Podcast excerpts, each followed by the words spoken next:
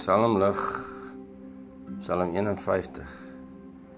Hier in Psalm 51 sien ons die donker prentjie van 'n gelowige kerkganger. 'n Geesvervulde man wat droewig val wanneer sy eie begeerlikheid die oorhand kry. Soos dit hier staan in Jakobus 1 vers 14 en 15. Maar elkeen word versoek as hy deur sy eie begeerlikheid weggesleep en verlok word. Daarna, as die begeerlikheid ontvang het, baar dit sonde.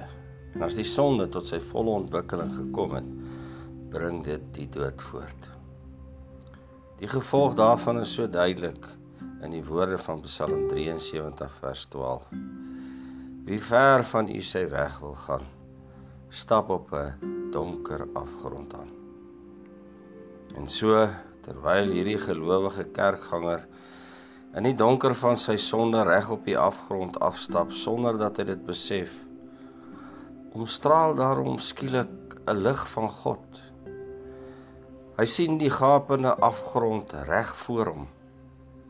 Die lig is die woord van God wat tot hom kom deur die mond van Nathan die profeet.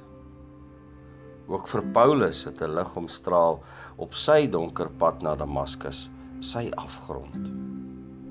En as hy gapende afgrond van die hel voor hom sien, besef hy dat dit juis hierdie lig van God se genade is wat hom gekeer het. Vir die verlore seun op sy donker pad en die afgrond by die varkhok was dit die lig van die herinnering in die hart die liefde van sy vader. En voor hierdie lig wat dwars deur hom skyn en ook sy sondepad aan die lig bring, tot in die fynste besonderhede is die tipe sondebelydenis wat als erken 'n noodwendige gevolg. Vir u alleen het ek gesondig en gedoen wat verkeerd is in u oë. Die vrymoedigheid om 'n uh, beroep te doen op die Here se genade ten spyte van sy situasie spruit juis daaruit dat as dit nie vir die genade lig van God was nie, sou hy sekerlik die afgrond afgestort het na die hel. Johannes 8 vers 12 sê Jesus en Jesus het weer met hulle gespreek en gesê ek is die lig van die wêreld.